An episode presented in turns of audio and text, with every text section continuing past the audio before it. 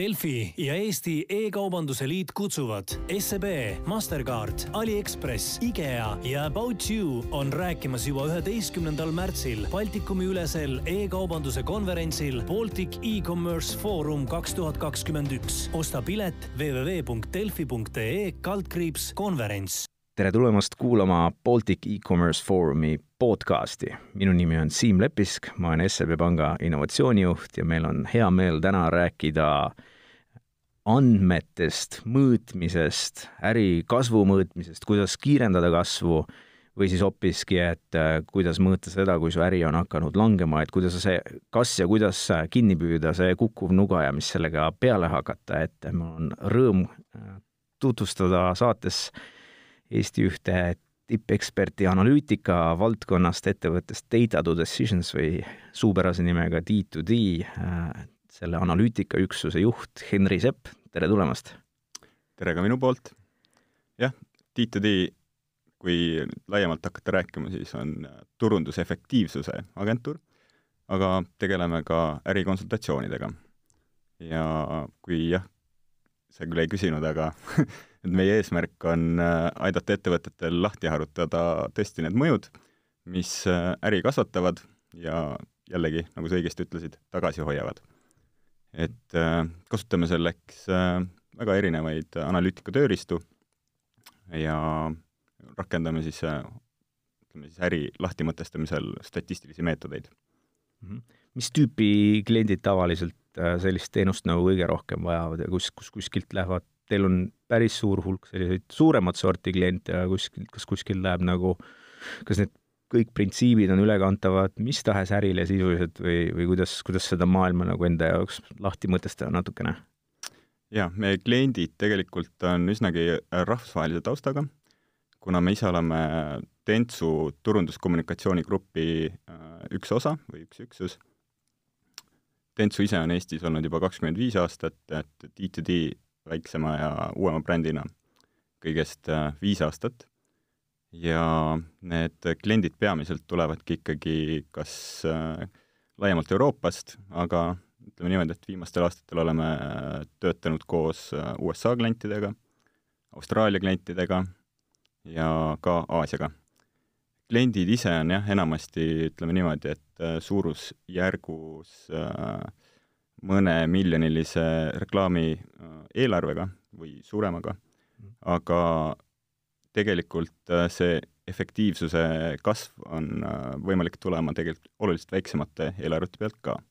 nii et need põhimõtted on päris kenasti olnud rakendatavad ka Eestis. et meie Eesti kliendid, keda on ka viimastel aastatel hakanud juurde tulema on äh, täiesti tavalised nii jaekaubandus- kui äh, finantssektori kliendid ja ütleme niimoodi, et äh, see küsimus, mis meie kliente kõige rohkem painab, on ikkagi üks ja seesama, et, et kuidas saaks oma müükidele ütleme siis hoogu juurde anda mm. -hmm. ja mis need põhilised tegurid siis on, mis, mis tegelikult mõjutavad müüki, et, et ilmselt see ei ole ainult äh, ei sõltu ainult sellest, kui palju raha turunduse alla panna ja nagu me ilmselt hiljem ka räägime, võib-olla liiga palju raha on ka hoopis nagu hävitav kogu sinu ärile. Äh, aga et mis veel mõjutab lisaks eelarvele, et kuidas seda nagu targalt teha ja, ja mis see kogu see selline nagu äh, kliima sinu, sinu äri kasvatamise või hoidmise ümber on, millega peaks arvestama tegelikult äh, tegurid võivad päris palju varieeruda vastavalt ettevõtte valdkonnast, aga mõned põhifaktorid on alati samad. Ütleme nii, et, et kõigepealt see loetelu võiks alati alata hooajalisusega. Mm.. igal äril on oma hooaeg, kus müügid on juba baastasemel kõrgemad, kui nad mõnel teisel hetkel on. Mm. -hmm. See puudutab siis kas äh, suuri jõulumüüke, Eestis äh, jaanipäeva, võib-olla mõnes kategoorias ka lihavõtted, väga olulised üllataval kombel, ja loomulikult äh, tooted või teenused, mis sõltuvad rohkem kliimast, temperatuurist, võib-olla sademetest, jällegi kõiguvad päris palju. kas, kas selle hooaja suhtes tähendab siis, et, et peaks rohkem raha panema, no näiteks lihtne, et tahad jäätist müüa, on soe ilm, on huvi suurem, kas siis peaks turundama rohkem, et tule osta jäätist või tegelikult siis peaks hoopis eelarvet tagasi tõmbama, et see on raiskamine?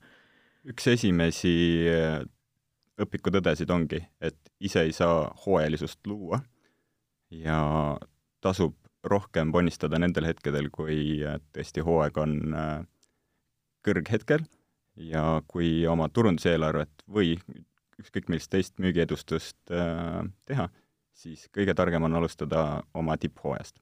ja mhm. loomulikult äh, ei taha sa ütleme, madalhooajal ka käed rüpes istuda, et mhm. mingisuguseid tegevusi, mingisuguseid eelarveid, aga peamine fookus võiks ikkagi olla alati sellel aasta kõrghetkel. ühesõnaga, siis sa saad kõige rohkem tehinguid kätte, mille puhul edasi järeldusi teha, jah? just nii. et on mõned kliendid, kes äh, oleme näinud, on üritanud oma kas hooajalisust luua mõelnud välja ise oma püha või mõne müügiürituse, aga see hüpe üles ikkagi oma baasmüükidest on äh, võrreldes tipphooaegadega väga palju väiksem mm. -hmm. et isegi kui sa teed oma, oma hullud päevad või, või, või hinna- või osturallid, et et kliendi peas ei ole teatud ajal kogu aeg, et sa pead ikkagi siis tugevalt oma turunduse sel hetkel ka mõtlema Eesti mõistes on äh, Hullud päevad või osturalli üks nendest äh, õnnestunult loodud hooaegadest mm.. et iseenesest äh, võime mingil määral tuua paralleeli Black Friday'ga, mis on küll muidu novembris, aga Eesti mõistes tippmüügihooaeg la-, pigem langeb sinna aprilli algusesse, mil on hullud päevad või osturalli mm. -hmm, aga e-esmaspäev? mul ei ole kusjuures selle kohta andmeid, aga tõenäoliselt äh, e-kaubanduse liit võib öelda, et mm -hmm. tegemist on päris õnnestunud mm -hmm. müügipäevaga mm. -hmm. äge. mis veel siis peale hooajalaisus on, mida, mida järgmiseks peaks silmas pidama? Ja see on üldse huvitav point, et sellest nagu alustada, et tegelikult võiks ju ükskõik mis muude asjade peale ka mõelda, aga, aga valid nüüd sellest alustada. jah, see on midagi, mis tõesti ühendab kõiki teenuseid või tooteid. teine asi, mis kindlasti ühendab kõiki teenuseid ja tooteid, on hind ja allahindlus. et need on kaks äh, sellist äh, ühe asja kaks erinevat külge, aga meie vaatame neid eraldi. et äh, alustame siis kõigepealt hinnajutust, et iga tarbija jaoks on mingi teenuse jaoks tema peas baashind või midagi, mida ta peab selliseks baashinnaks. mis tundub nagu õiglane enam-vähem. just nii ja selle hinnamuutuse või selle baashinna muutuse mõju on äh, midagi, mida majandusteaduses kirjeldatakse hinnaelastsusena. -hmm. et hinnaelastsus on üks meie mudelite väljunditest, mhm. mis annab päris hea äh, sellise sissevaate ka planeerimisteks, järgmisteks aastateks, ja teab, kui palju on mängimisruumi. et äh, lihtne äh, jällegi rusikareegel on, et äh, sellistel premium-kaupadel või toodetel, millel on väga lojaalne tarbijaskond, on tõenäoliselt see hinnaelastsus natuke madalam. too, too üks ja mõne, mõne, mõne tootetüübi nagu konkreetsem näide, et kuidas see võib varieeruda, et see, et see kindlalt kohale jõuaks? Jällegi on hea näide äh, minna jaekaubandusse, kõigepealt mõtleme alkoholi peale. Et äh, kui on äh, premium viski mm, -hmm. siis selle mõneprotsendiline hinnatõus tõenäoliselt tarbijat mm -hmm. väga palju ei morjenda ja ta mm -hmm. teeb selle ostu reede õhtul ikka ilusasti ära. -hmm. kui nüüd mõni ütleme siis hinnatundlikum bränd, midagi, mille puhul üheeurone hinnatõus võib mm -hmm. selle ostu tegemata jätta, sellel me näeme siis väga kõrget hinnaelastsust. ehk mhm. siis suur hinnatõus toob kaasa suure müügilanguse mm. -hmm ja vastupidi siis äh, madala elastsusega tootel, et jällegi võid äh, üsna julgelt oma hinda muuta ühes või teises suunas ja müükidele see märkimisväärset mõju ei oma. Hiina teine pool on allahindlused mm. -hmm. See on äh, jah, midagi, mis on tavaliselt vaja sellest baashinnast lahti harutada, et mõista, kuidas see toimib. et allahindlused iseenesest on sellised ettevõtmised, kus äh, hinnamuutus võiks ikkagi äh, nädala võrdluses erineda kümneid protsente, ja jällegi, et ka allahindlusel on oma elastsus, mis tähendab seda, et äh, mõni allahindlus toimib tohutult hästi, mõni toode jällegi äh, võib väga korralikult hinda langetada, aga müügid väga palju ei muutu mm. -hmm. või noh, tõenäoliselt muutub, aga mitte nii palju mm. -hmm.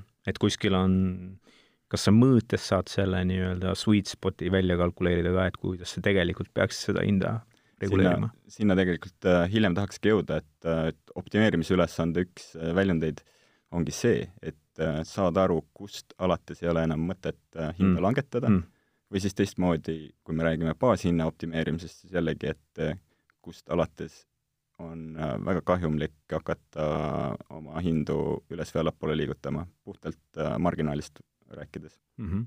aga kui korra veel seda ka mõelda, et osadel kõige no, justkui kavalam on teha selline toode, mis äh,, mille sa saad, mida sa ütled, tavahind on näiteks sada eurot, aga nüüd sinul erihind, sõber, on, on viiskümmend, on ju, ja sa ei oskagi võib-olla seda hästi võrrelda millegi teisega et, et kui see konkurents ei ole nii selge, et äh, kuidas sel-, kas see on kuidagi kavalam strateegia, kui sul õnnestub selle hinnastamine niimoodi unikaalsuse peale üles ehitada, või kuidas seda, sellisele ülesandele läheneda?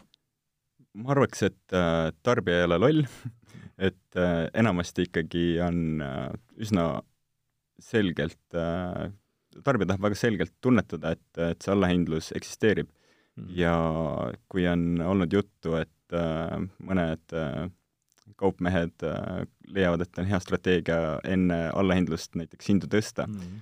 et nendel tegevustel enamasti me näeme väiksemat mõju kui sellel mm, -hmm. kui on selgelt teada, et, et, et äh, tavahind on see ja mm -hmm. allahindlus on äh, see. Mhm, et kui reaalselt vaadata neid müüginumbreid Äh, sellisele trikitamise mõju, et siis see e trikitamisest on võib-olla üldse negatiivne mõju, sest klient saab sellest äh, aru ja, ja jääb mingi halvem mulje, et, et, et on parema tulemusega üldjuhul see, et kui sa oled autentne oma hinnastamises ja ei ürita seda kõrgemat äh, silti sinna ja siis pakkuda seda mingit kümme või kakskümmend prossa allahindlust, justkui. justkui jah, et äh, tegelikult allahindlus toimib siis, kui äh, klient saab aru, et on allahindlus. ja kui ta ei saa, siis äh, ilmselgelt müügid ei muutu mm. -hmm. ta peab seda autentselt äh, uskuma. no mis veel, konkurentide tegevus on ilmselt üks asi, mis, äh, mis ka tekitab selle taju üldse, mis see õiglane hind oleks. loomulikult on äh, konkurendid äh, üks suuri faktoreid, mis mõjutab seda, kuidas sinu müügid lähevad. üldiselt ühe üksiku konkurendi tegevus, kui see ei ole just nüüd väga väikese tegijate arvuga turg, konkreetselt äh, sinu tegevusele väga suurt mõju ei tohiks omada. Et üldiselt äh, konkurentsi mm, mõju jaguneb äh, kogu turu peal laiali.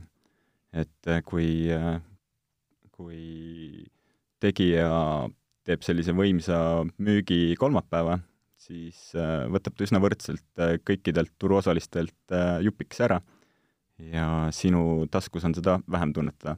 see on teooria. aga noh, loomulikult äh, iga ettevõtja ise näeb, kuidas äh, mõni väga võimas konkurent äh, ikkagi äh, selgelt nende müüki ära võtab. et konkurent äh, jah, ütleks niimoodi, et mõnes kategoorias, kus äh, just äh, vaatasin enne siia tulemist üle, et Äh, kus on, ütleme näiteks äh, äpi äh, konkurents ja, ja tegijaid on vähem, siis igasugune konkurendi kas allahindlus või suurem turunduskampaania mõjutab müüke, ütleme aasta peale kokku päris märkimisväärselt. et see konkreetne näide, mis mul ette jäi, oli suurusjärk ikkagi kakskümmend, kolmkümmend protsenti mm. omaenda müükidest võib konkurendile kaotsi minna Mhm. ja see on siis tõenäoliselt kas hinna reguleerimine valesti või vale ajastus või, või mis veel seda mõjutavad? No peamiselt tegelikult eh, jah, on kaks siis konkurendi tegevuses, mida me mõõdame, et ongi kas hinnategevus äh, või turundustegevus, et, kui on äh, väga õnnestunud kampaania olnud või üleüldiselt on konkurent kasvutrendis, siis näeme selgelt oma baasmüükide vähenemist mm. -hmm. siit tuleb ju nagu väga äge selline baaspõhimõtete loeng kokku, kui, kui kiirelt veel nagu puudutada, mis need veel teised mõjud on, mis, millega, millega tegelikult on teie mõõtmine näidanud, et mingitel juhtudel peaks arvestama veel, et, et mis need parameetrid veel on? no nüüd me jõuame põhiliseni, millega me tegelikult tegeleme, et et me ju tegeleme turundusefektiivsuse hindamisega ja reklaam. reklaam äh, mõnes mõttes võib öelda, annab äh, sada protsenti toote müügist. Hmm. ehk siis äh, kui reklaam on õigesti tehtud, siis äh, sul on müügid ja kui sul hmm. reklaami ei ole, siis keegi ei tea su toodet mm., sul ei ole müüke. et hmm. tegelikult äh, loomulikult oma mudelites äh, hindame me reklaami mõju ütleme keskmiselt äh, sellised kliendid, kes on üsna tublisti investeerinud ja väga efektiivselt tegutsenud, umbes kümme kuni nelikümmend protsenti nende müükidest tuleb reklaamist. et äh, tihti, kui ma käin äh, kas konverentsidel või vaatan, kuidas äh, nagu hinnatakse oma müügikampaaniaid äh,, äh, kipub asi tõesti minema nii, et, et kogu kampaania äh, edukus äh, an-, antaksegi siis sellele õnnestunud reklaami äh, tegemisele, aga loomulikult äh, tasuks ikkagi arvesse võtta, mis äh, selle reklaami ajal veel tehti, et loomulikult mm. ei istunud ka müügitiim niisama, vaid tegi tublit tööd. samamoodi siis võib-olla distributsioon, millest sa enne tahtsid rääkida, ehk siis, et mhm. mis on selle toote üldsegi kättesaadavus mm. -hmm ja kõik muud, jah, loomulikult siis seesama hooajalisus, et, et võib-olla see kampaania oli ajastatud jõulude peale ja me nagu võrdleme mingisuguse muu perioodiga, kus jõule ei olnud, siis loomulikult äh, see kampaania oli tohutult edukas mm. -hmm kui seda distributsiooni veel korra mõelda, et ehk siis, et, et kas sul toode, kui kiiresti ta kliendini jõuab, kus äh, laos ta on, et äh, võiks olla nagu loogiline, et mida kiiremini jõuab, seda parem seda äri on teha, aga samas, kui vaatad Apple'i uute toodete lansseerimisi, siis äh, hoopis äh, järjekord ukse taga on see, mis tõmbab nagu huvilisi justkui veel ligi, et kui sa, kui sa liiga kättesaadavaks teed mingid asjad, et võib-olla sel juhul üldse langeks neil see uute telefonide müük või, või kas, kas on, kui selge see, kui selged need sellised seosed on? tegelikult me väga, ütleme, lao- ja tarneanalüüsiga ei tegele, mm. aga lihtsalt äh, mis puudutab eksklusiivsust, siis äh, on mõned äh, brändid, kes saavad sellist asja endale lubada mm. ja teised, kellel seda ei soovitaks teha, et kohe tuleb vastu jällegi näide meelde Google'ilt, kes Google plussi puhul üritas sarnast eksklusiivsust äh, rakendada mm. ja täna me näeme, et äh, me postitame ja like ime Facebookis, mitte Google'is mm.. jaa, et, et sul kuidagi peab brändi DNA-s olema sees see, see loogika kuidagi, millest, millest siis lähtuda jah, kohe haaran sellest brändi DNA-st kinni, et äh, see pikaajaline brändi tervis on üks märksõna, mida ma veel tahtsin puudutada, et et äh, üleüldiselt äh, võib-olla pärast räägime natuke pikemalt ka brändi pikaajalisusest ja, ja selle tunnustest, aga kõik tänased tegevused kumuleeruvad kuhugile tulevikku ja see, milline su varasem brändi investeering on olnud mõjutab äh, päris tugevalt äh, sinu tänaseid müüke. et äh, mõtleme kas või hea nostalgialaks, et mõelda üheksakümnendate peale ja nendesse brändidesse, mis sellel ajal tegutsesid ja kolmkümmend aastat pole ühtegi investeeringut enam teinud. Nad elavad meie peas ikka edasi ja mm. kui et täna müügile tuleks, siis mingisugune tarbijaskond koheselt ka tekiks. ja kas või äh, kohe tuleb mulle meelde ka Baltic e-commerce foorumi äh, esinejate nimekirjast üks väga-väga nostalgiline ja väga armas bränd.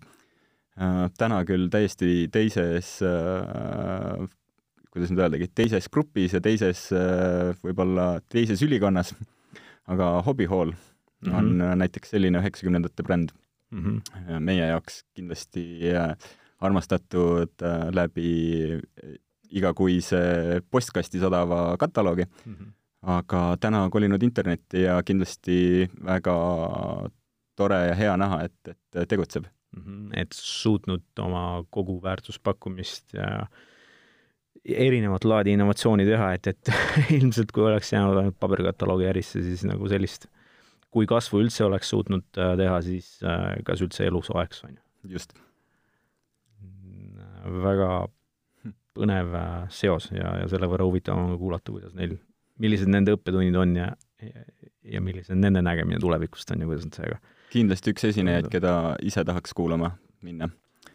Muidu üks äh, asi, mida veel kiiresti puudutada, võib-olla kaks, et on siis äh, majandus laiemalt, mida me uurime ja, ja ütleme siis riiklikud tegevused ja regulatsioonid ei ole üldse väikese mõjuga ja väga hea, kui äh, keegi oskab sellele ka mingisuguse numbrilise väärtuse anda et mida me oleme teinud, äh, oleme arvutanud välja kliendile aktsiisitõusust tuleneva mm -hmm.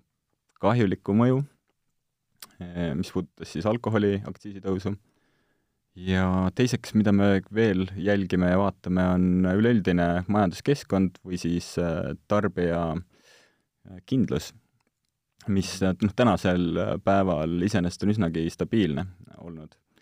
aga kui me vaatame tagasi kümme aastat ja, ja võib-olla räägime teistest turgudest, kus äh, Kreeka tuleb kohe näiteks äh, meelde mm, -hmm. et äh, sellel ajal äh, iseenesest kõik tegevused, nii reklaami allahindluste, jõulud ikka toimusid, aga kui tarbijakindlus tagant ära kaob, siis äh, kaovad ka müügid, et äh, et nagu väga selge jällegi äh, rahaline väärtus taga.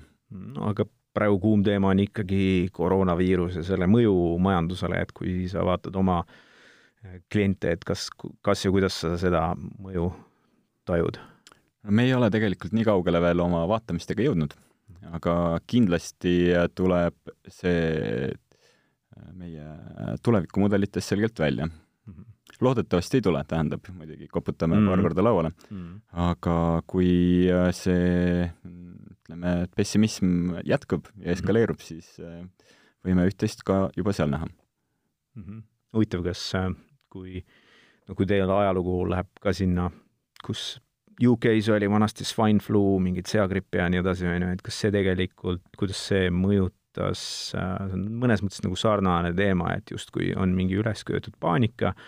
No okei okay,, praegu tundub, et võib-olla ei ole iga teine üles köetud paanika, aga, aga, aga ikkagi nagu siis oli see suhteliselt nagu lihtsalt äh, justkui nagu tekitatud probleem, et kas selle mõju ka kohe tuleb ette, et kus see seos oli, sildid olid üleval küll igal pool, et ole, ära ole siga, hoidu seagripist, pese käsi, on ju, aga ilmselt siis pesti piisavalt tublisti käsi, sest otseselt see mõju mul kohe praegu meelde küll ei tule mm. -hmm, mm -hmm äge, ja kas on veel mingisugused kriitilised äh, tegurid, mida, mida kontseptsioonis fundamentaalselt juba peaks äh, arvestama?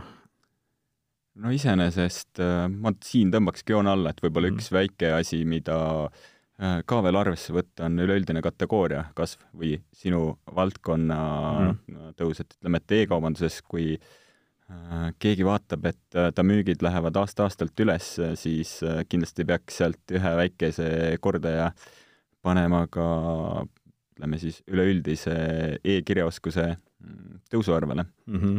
ja noh, või teistmoodi, et äh, mõned äh, sellised kategooriad, mis äh, või tooted või teenused, mis väga kiiresti kasvavad, võtame toidu kohaletoomise teenus, võtame mm mõne jällegi alkoholi kategooria, mis on muutunud üle aasta miskipärast populaarseks, siis mm tihtipeale peab lihtsalt äh, kohal lihtsalt olema ja, ja selle tõusuga kaasa sõitma, et mm. Äh, kategooria kasv on päris oluline. kuidas näiteks see, see alkoholiklient selle aktsiisimuutusega toime tuli, et kui see nagu täitsa väline tegur, et, et kuidas sa sellele siis reageerida saad äh, edukalt? Äh, see on tõesti väline tegur ja sellele tuleb lihtsalt äh, kas äh, hinnakujunduse või, või allahindluse ja, ja turundusega mm. nagu vastu panna mm.. et põhimõtteliselt kõiki negatiivseid tegureid, mis peast läbi võid käia, et nendele tuleb vastu mõelda positiivseid tegureid mm, -hmm. nagu eluski. et iseenesest, kui me räägime oma müügianalüütikast, siis nagu visuaalselt saame mõelda tõesti niimoodi, et, et kusagil on selline allapoole nulli jääv äh, punane termomeetri pool ja sellele tuleb siis selle rohelise termomeetri poolele korralikult äh, kas siis hagu juurde anda mm. või vähemalt äh, kindlasti tegevusi ette võtta, et vastasel juhul jääd kaotajaks mm. -hmm.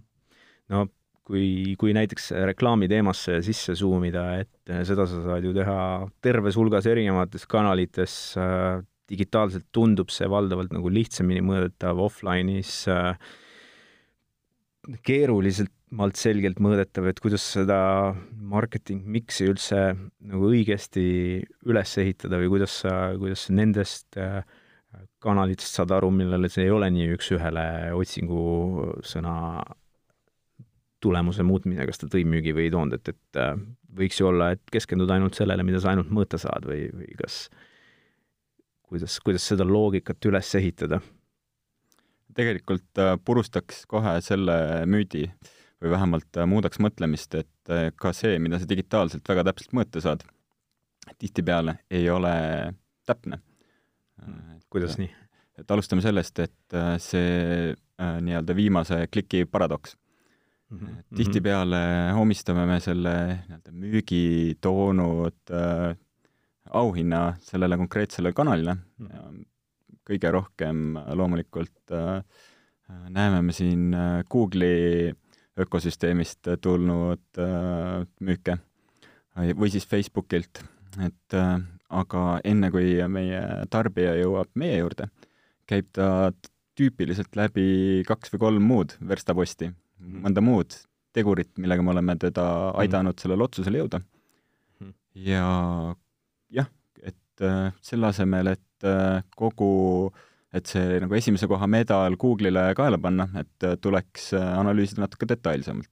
see ongi siis üks meie tegevusvaldkondi ja sellel on väga peen ingliskeelne nimi ka, attribution modeling mm. -hmm. et attribution tähendab ju omistamist ja sellega me tegelemegi, et, et omistame siis nendele teistele võib-olla teekonna varasemas etapis olnud kanalitele ka tähelepanu ja väärtust mm. -hmm. et üks väga tüüpiline tarbija teekond näeb ju välja selline, et, äh, et enne, kui ta meie e-poodi jõuab äh,, on ta saanud äh, võib-olla ühe, ühe Delfi äh, bännerreklaami siis äh, võib-olla ta nägi seda, võib-olla, võib-olla ta klikkis seda, aga ta ei teinud oma ostu mm. -hmm. Siis äh, käis ta tänaval ringi ja nägi äh, ühte ilusat äh, välimeedia plakatit, mis jällegi kutsus üles meie veebikeskkonnas seda ostu sooritama mm. -hmm. et isegi kui ütleme, et kas see on konkreetse toote või konkreetse keskkonna nagu promo näiteks? just. just, et äh, igal juhul on see midagi, mis on aidanud jällegi seda tarbijat äh, oma valiku tegemisel natukese meie suunda mm. -hmm. Siia vahele võib veel jääda, et ta on ka külastanud Facebooki ja nüüd näinud sealt meie kas äh, meie orgaanilist lehte, kus äh, me ise loome sisu mm. või meie bännerreklaami mm. -hmm. ja võib-olla alles siis on ta otsustanud, et uuriks natuke selle veebikeskkonna kohta ja guugeldaks seda mm, -hmm. millest siis tuleb klikk, millest siis tuleb äh, nii-öelda äh, meie peades arusaam, et Google tõi meile kliendi. Et mhm. tegelikult on äh, päris palju keskkondi selle mm -hmm. kliendi äh, valikute tegemisel abiks olnud ja vot, ja seda siis me oma mudelitegagi lahti harutame, et me testime läbi kümneid, võib-olla sadu erinevaid teekondi ja määrame tõenäosuseid, mis ühe või teise teekonna puhul mm. Kõrgem on, et klient meile tuleks. Ja arvutame sealt välja igale kanalile oma väärtuse. nii et selle algoritmidega sa saad isegi aru, et kas ta tegelikult sul see tänavareklaam, mida on muidu justkui nagu raske mõõta selle tulemuslikkust, et kas ta omas seal tee, teekonnas olulisust piisavalt?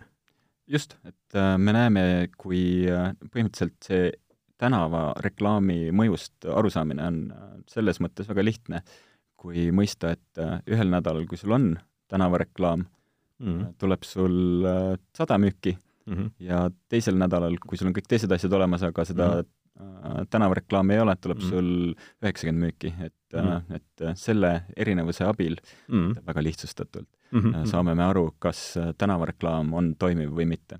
olgugi, et me räägime tegelikult ju digi, digikeskkonnas toimunud ostust. mm. -hmm. et jah, selliste erinevate kanalite, nii offline kui online äh, mõjurite ühendamisega me tegelemegi. äge.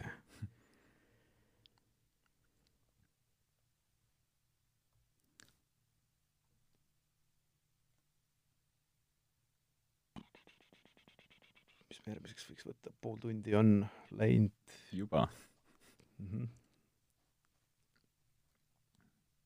tegelikult tahaks rääkida sellest performance media ja brand media äh, aspektidest mm. -hmm. ehk siis äh, sellest, kuidas äh, üha rohkem ja eriti e-kanalites hakkame me keskenduma sellele performance mediale.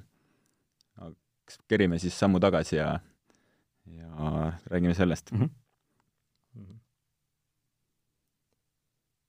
vägev, pea pool tundi on äh, lennanud äh, juba sellist, sellistes loengutes võiks pikemalt äh, viibida. käsitleks paari olulisemat nagu äh, teemat jõuame käsitleda veel, et äh, mis, mis on nagu tüüpilised sellised dogmad, mida võib-olla kummutada, et näiteks, et tee, noh, me puudutasime seda teemat, et tee ver-,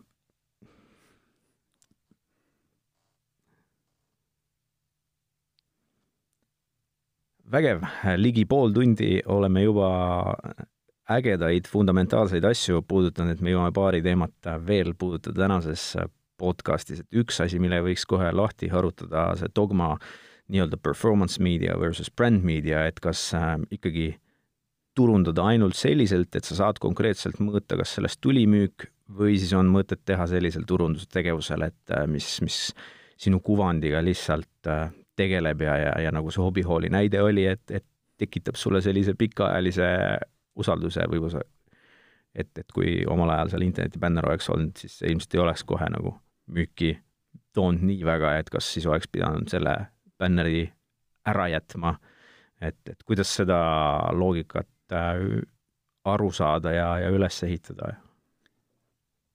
Jah, eriti kui me räägimegi e-kaubandusest, siis äh, ma arvan, et on väga keeruline sundida ennast sellesse brändi ehitamisse investeerima.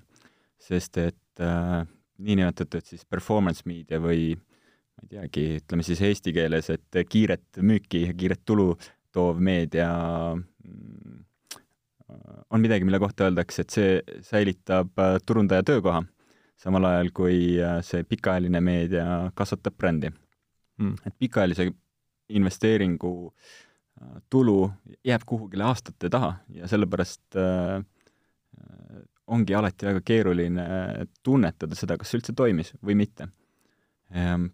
ütleme niimoodi, et selle äh, valdkonnaga on päris palju tegeldud äh, laiemas plaanis, eriti just Inglismaal on äh, Peter Field ja äh, Les Binet, kaks sellist äh, guru, kes äh, sellest väga palju räägivad ja kes äh, tahab rohkem uurida, siis soovitan neid nimesid guugeldada. kuidas see Lespine kirjutatakse? Uh, Les on, põhimõtteliselt kõlab nagu ta oleks mingisugune prantsuse sõna et kirjutatakse Les Binet mm, -hmm. aga uh, jah mm, -hmm. et nemad siis tegelevadki selle nii-öelda lühiajalise investeeringu vastu võitlemisega mm.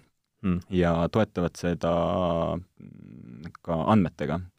et iseenesest meie näeme muidugi uh, oma analüüsides uh, väga head roid ka lühiajalisel meedial, aga korjame välja ka selle pikaajalise mõju.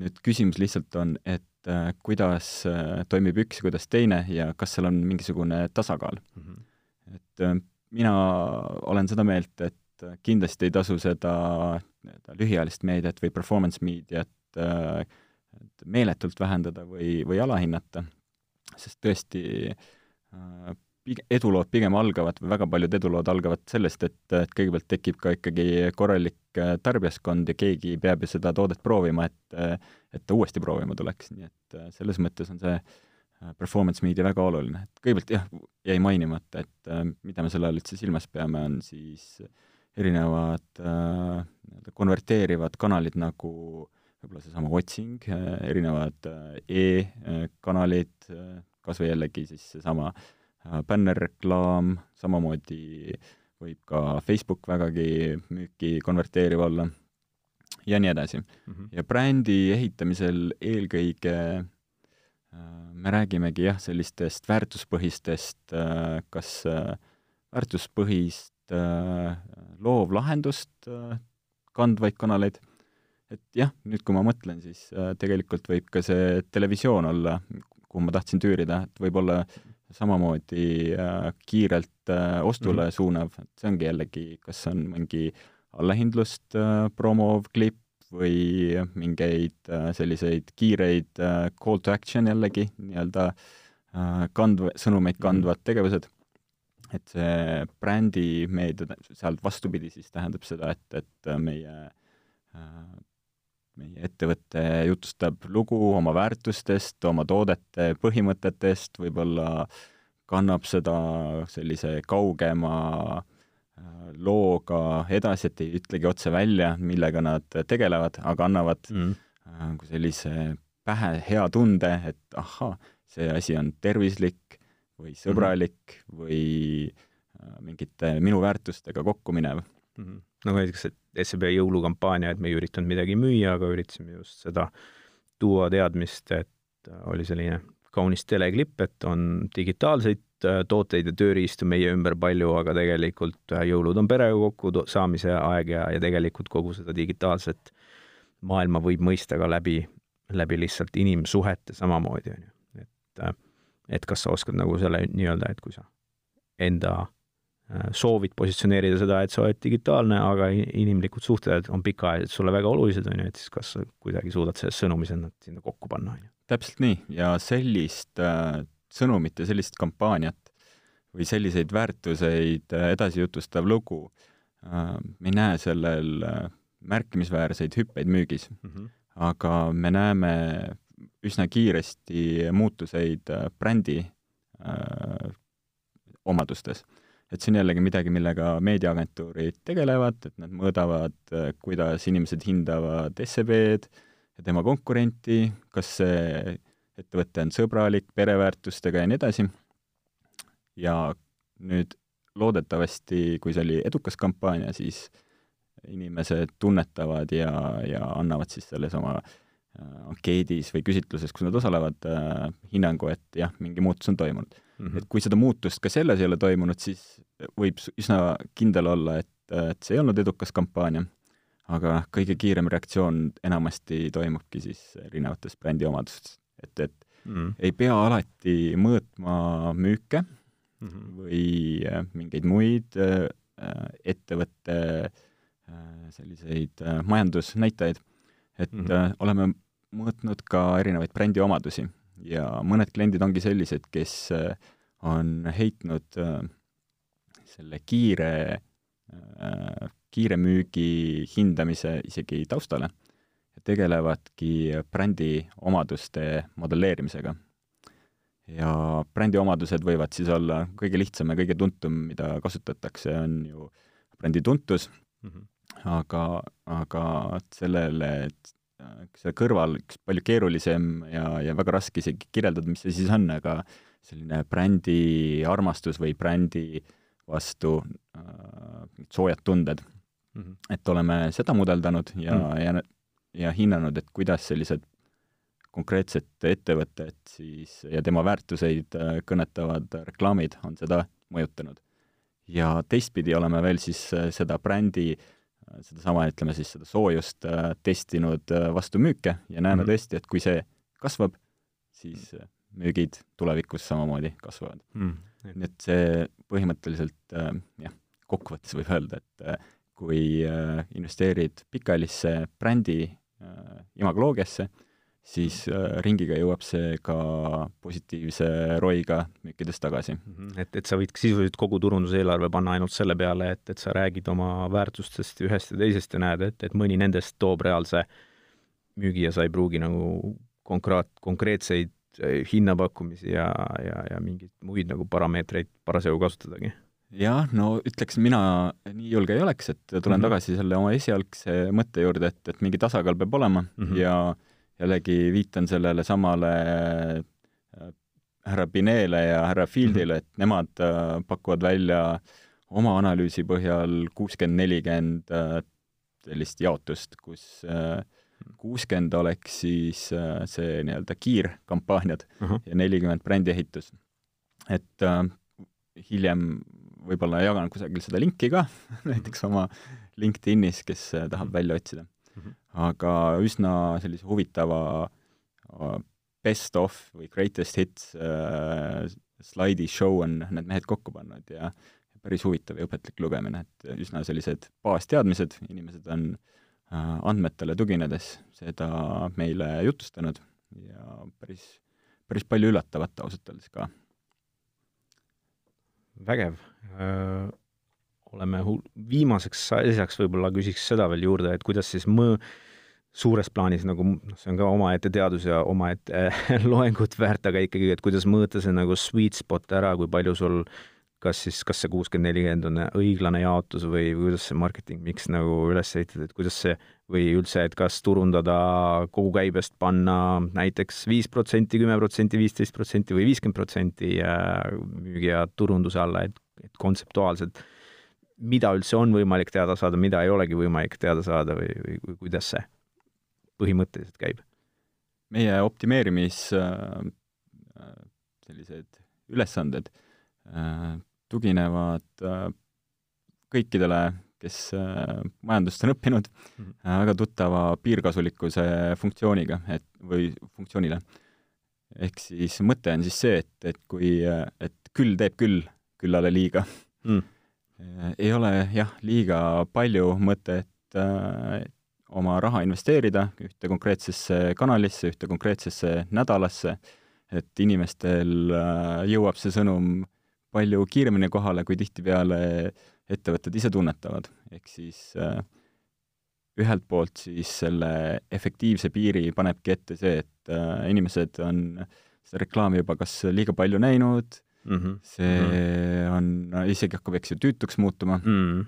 ja mudeli abil on selle hea piiri või, või punkti äratunnetamine võimalik. et küll äh, tegelikult äh, iga meediat planeeriv äh, organisatsioon äh,, agentuur tõenäoliselt teab ise ka, mis see enam-vähem õige piir on, aga meie oma optimeerimistarkvaraga äh, püüame selle viimase nii-öelda täiusliku lihvi anda mm. -hmm. mida tavaliselt näeme, on see, et, et nii äh, need agentuurid või siis ettevõtted ise on üsna targad olnud ja on selle taseme päris kenasti pihta saanud meie suudame umbes kümme kuni kolmkümmend protsenti mm. efektiivsemaks äh, mm. teha kahte asja, et peamiselt siis millised on äh, kõige paremini toimivad kanalid, tegelikult sellest me ilmselt täna ei jõuagi rääkida, mm. või teine asi siis, et mis see nii-öelda selle konkreetse kanali kõige efektiivsem piir on, kuhu,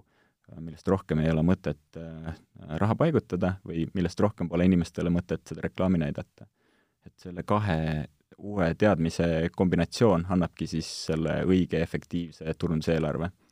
ja mm -hmm. see võib väga palju sõltuda ettevõteti, sest et noh, mida suurem on ettevõte, seda äh, rohkem on nad ju rahalises mõttes võimelised kulutama, aga protsentuaalselt äh, võib-olla äh, ei ole see nagu väga suur, et mm -hmm. seetõttu on äh, minul väga keeruline öelda, et kas see õige turunduseelarve on üks protsent või, või kümme protsenti, et mhm. tõenäoliselt jääb see kuhugile, tõde on kusagil seal vahel mm. -hmm. ja kui sa oled alustaja, siis tõenäoliselt äh, võib see olla sada protsenti hoopiski mm -hmm. su, su ettevõtte mm -hmm. käibest mm. -hmm. Et on äh, selliseid juhtumeid ka.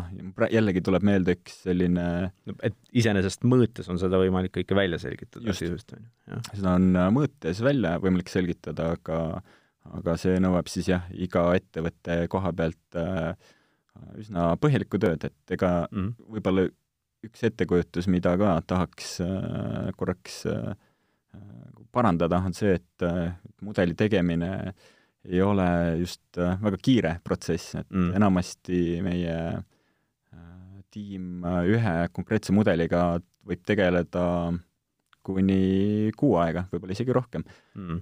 ja põhjuseks... et aru saada, et kas siis need parameetrid on päriselt need, igasugune valideerimine ja just täpselt, et äh, kõigepealt siis loomulikult, et mudel oleks äh, statistiliselt loogiline, mm. aga et äh, ta oleks ka veel loogiliselt loogiline ja äriliselt loogiline, et see nõuab päris palju kohendamist ja kokkuvõttes ütleme niimoodi, et kui ma ütlesin mudel, siis loomulikult mudeldamise peale nii palju aega ei lähe, aga aga järelduste tegemine mm -hmm. ja, ja sealt ka äriliselt äh, rakendatavaid ettepanekuid äh, välja kaevata, selle peale võib üsna palju aega kuluda. aga üks, mis ma praegu kiiresti välja otsisin, et äh, kui nüüd mingisugust äh, nagu rusikareeglit äh, öelda selle äh, reklaami eelarve koha pealt, siis äh, üldiselt soovitatakse sellist äh, väga lihtsat äh, valemit, et Äh, kui on võimalik saada teada, et äh, mis selle sinu konkreetse ettevõtte share of voice on -hmm. siis äh, see võiks su konkurentidest ja su turuosast õigemini jah, su turuosast märkimisväärselt suurem olla, ehk siis kui sa tahad, et sa kasvaksid mm, -hmm. siis sinu reklaammeedia eelarve peaks olema konkurentidest suurem, lihtsalt öeldes kõlab, kõlab vähemalt lihtsa, lihtsa tõena, millega, millega on hea tänaseks äh, otsad kokku tõmmata, palju mõtteid kindlasti saab siit edasi harutada, et, et kui kellelgi tekkis äh, küsimus enda ettevõtte suhtes, kuidas seda paremini mõõta, on äh, muidugi hea võimalus Henriga saada kokku kas e-commerce foorumil või leida üles LinkedIni kaudu Henri Sepp, Henri nagu i-ga ja ja võib-olla üldse tekkis kellelgi huvi tulla teie juurde Data to Decisionsisse ise seda analüütikat tegema? loomulikult, et äh, tegelikult ongi varsti jõuab suvi kätte ja on äh, palju üliõpilasi liikvel ja mõtlevad, mida oma eluga peale hakata, et mm -hmm. kindlasti tahame vaadata see suvi äh, Äh, analüütikahuvilisi natuke lähemalt ja võib-olla kutsuda neid enda juurde ka praktiseerima. et päris äh, huvitav kokkusaamine oli just hiljuti Tartu Ülikooli äh, ökonomeetria õppejõuga, tervitus siis ka proua Baasile, et tema käe alt tundub, et ja kindlasti ka TTÜ-st ei jätaks ka neid kõrvale mm, -hmm. on väga palju võimekaid analüütikuid välja tulemas ja, ja see on üks päris huvitav valdkond, kus oma oskuseid rakendada turunduse efektiivsuse analüüs. mul endal tekkis küll praegu tunne, et tagantjärgi endale äh, nõu andes või teistele nõu andes, et äh, et, et enne, kui sa hakkad mingit äri üles ehitama, kui sul on aega midagi õppida, siis see oleks küll üks hea asi, mida ära katsetada, mitte ainult katsetada, vaid, vaid endale päriselt nagu selgeks teha need äh, printsiibid ja näha, näha teiste ettevõtete näol, et, et mis valdkonnas mingid asjad, kuidas toimivad super. väga põnev, äh, nii et suur tänu saatesse tulemast, Data to Decisions analüütika üksuse juht Henri Sepp. ja aitäh kutsumast ja aitäh kuulamast! oli väga meeldiv, järgmise korrani! Delfi ja Eesti E-kaubanduse Liit kutsuvad SEB, Mastercard, Aliekspress, IKEA ja About You on rääkimas juba üheteistkümnendal märtsil Baltikumi ülesel e-kaubanduse konverentsil Baltic E-Commerce Forum kaks tuhat kakskümmend üks. osta pilet www.delfi.ee kaldkriips konverents